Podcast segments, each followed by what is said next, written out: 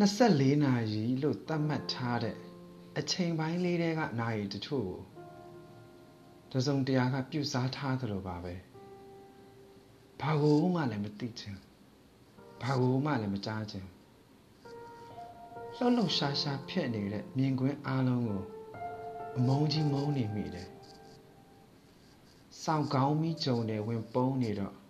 ဟောဒီလောကကြီးတွေကလွတ်မြောက်ရောလား အိတ်ချင်းကိုညှိညွေ့စွာနဲ့တခြားအစားထိုးစရာမရှိတော့လို့လက်ခံလိုက်ရတဲ့မသက်တာမှုဟာပဲတခြားရရှိနိုင်သမျှထက်ဝင်ပေါ့နေပါသေးတယ်ဥပိ္ပခအမိုက်ပုံကြီးလာစုဝေးတဲ့ဘဝမုံတိုင်းကြီးကိုပဲကျေးဇူးတင်ရပါသေးတယ်ခုနေမှာငါရှင်တဲ့ဥပိ္ပခတရားသာမရှိခဲ့ရင်ဘယ်လိုလုပ်အသက်ရှင်ပြတ်တော့မလဲ လူတွေဟာရဲစရာတွေ့ရင်ရဲတယ်ငိုစရာရှိရင်ငိုတယ်ဘဝကိုရဲလိုက်ငိုလိုက်နဲ့သုံးဖြုံးပစ်လိုက်ကြတယ်ရဲခြင်းနဲ့ငိုခြင်းကိုနည်းနည်းဆိုင်ဆိုင်စားသုံးတတ်သူလည်းဖြစ်ချင်ပါရဲ့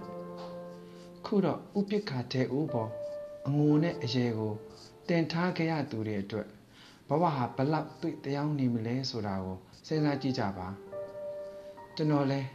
တလောကလုံးကတောကတွေဒုက္ခတွေကိုကိုတယောက်တည်းရဲ့ခေါင်းပေါ်လာဆုနေတယ်လို့အလန်တကြားကြီးညင်းညူအော်ဟစ်နေသူမဖြစ်ချင်ပါဘူးယုံပါခမားတို့လိုပဲတောကတွေအပေါ်အောင်နိုင်သူအဖြစ်ပြောနေခြင်းပါတယ်ကျွန်တော်နှလုံးသားထဲအုံနောက်ထဲနှလုံးထဲကအပြစ်ပြင်ကြည့်အောင်ကျွန်တော်ဘာသာလိုလိုလားလားရှိလို့ရောက်နေတာမဟုတ်ဘူးကျွန်တော်ဘဝရဲ့ဝက်နာကန္နာကြီးပါဗျာ ကြပြဆရာဆိုတဲ့နိုင်ရန်ကြီးတာမရှိရင်တန်မိုလေးလို့လွင့်စင်သွားတာကြာရော့မယ်ရုံသဘောဆန်လွန်းတဲ့လက်တွေခြေထောက်တွေအတန်တွေမျက်နာတွေတော်တော်ကြာအိပ်ရတော့မယ်မိုးလင်းလာမယ်ရုံတက်မယ်ထမင်းစားမယ်ရုံတက်မယ်ဖိုင်ရွဲတွေကြားထိုင်မယ်ရုံဆင်းမယ်ရေချိုးမယ်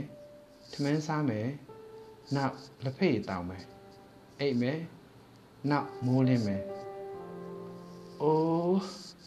ခင်ဗျားတို့ပြောနိုင်တယ်နော်ဖော်ဝေးဇူလိုင်9ရက်